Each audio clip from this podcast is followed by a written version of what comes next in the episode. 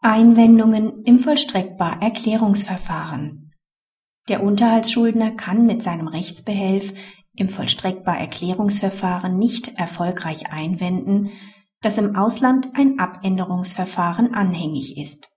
Eine zulässige Einwendung ist hingegen die teilweise unstreitige Erfüllung der Unterhaltsschuld. Die Parteien streiten um die Vollstreckbarerklärung eines rechtskräftigen Unterhaltstitels aus der Schweiz. Der Ehemann wendet ein, dass in der Schweiz ein Abänderungsverfahren anhängig ist und er, was unstreitig ist, teilweise bereits erfüllt hat. Das Landgericht und das Oberlandesgericht erklären den Titel aus der Schweiz für vollstreckbar. Der Ehemann beabsichtigt Rechtsbeschwerde gegen die Entscheidung des Oberlandesgerichts einzulegen. Hierfür beantragt er Prozesskostenhilfe, die ihm vom BGH auch bewilligt wird.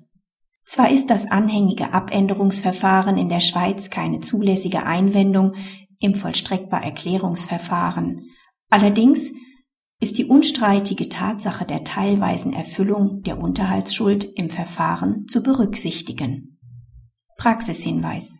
Der BGH führt mit Hinweis auf eine weitere Entscheidung zudem an, dass ein möglicher Forderungsübergang auf die Einwohnergemeinde in der Schweiz im vollstreckbar Erklärungsverfahren zu berücksichtigen ist.